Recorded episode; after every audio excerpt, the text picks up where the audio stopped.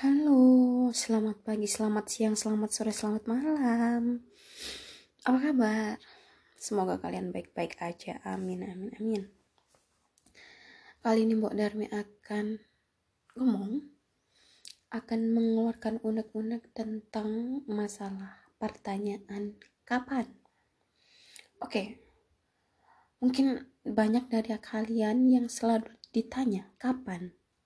Mungkin kapan lulus? Setelah ditanya setelah setelah uh, mendapat jawaban ditanya kapan kerja? Setelah kerja ditanya kapan nikah? Setelah dita setelah nikah ditanya kapan punya anak? Setelah punya anak ditanya kapan punya momongan lagi? Kapan kapan kapan?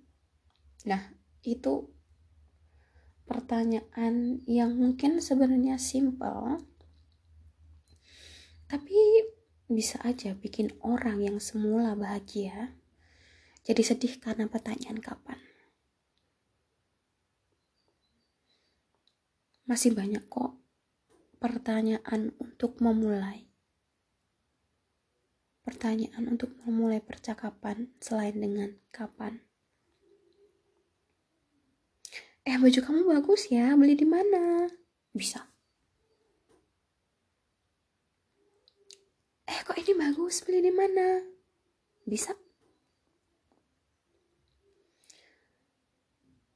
Kadang perbedaan orang yang berpendidikan itu menurut aku cuma ada di pemilihan kata. Penggunaan kata dan ya kadang suka heran aja.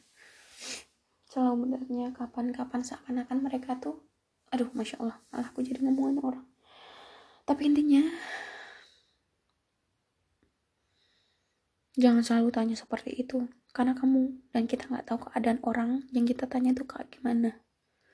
Mungkin aja mereka juga berusaha atau mungkin mereka akan depresi karena pertanyaan kapan itu. So, berpikirlah sebelum bertanya. Ya kan?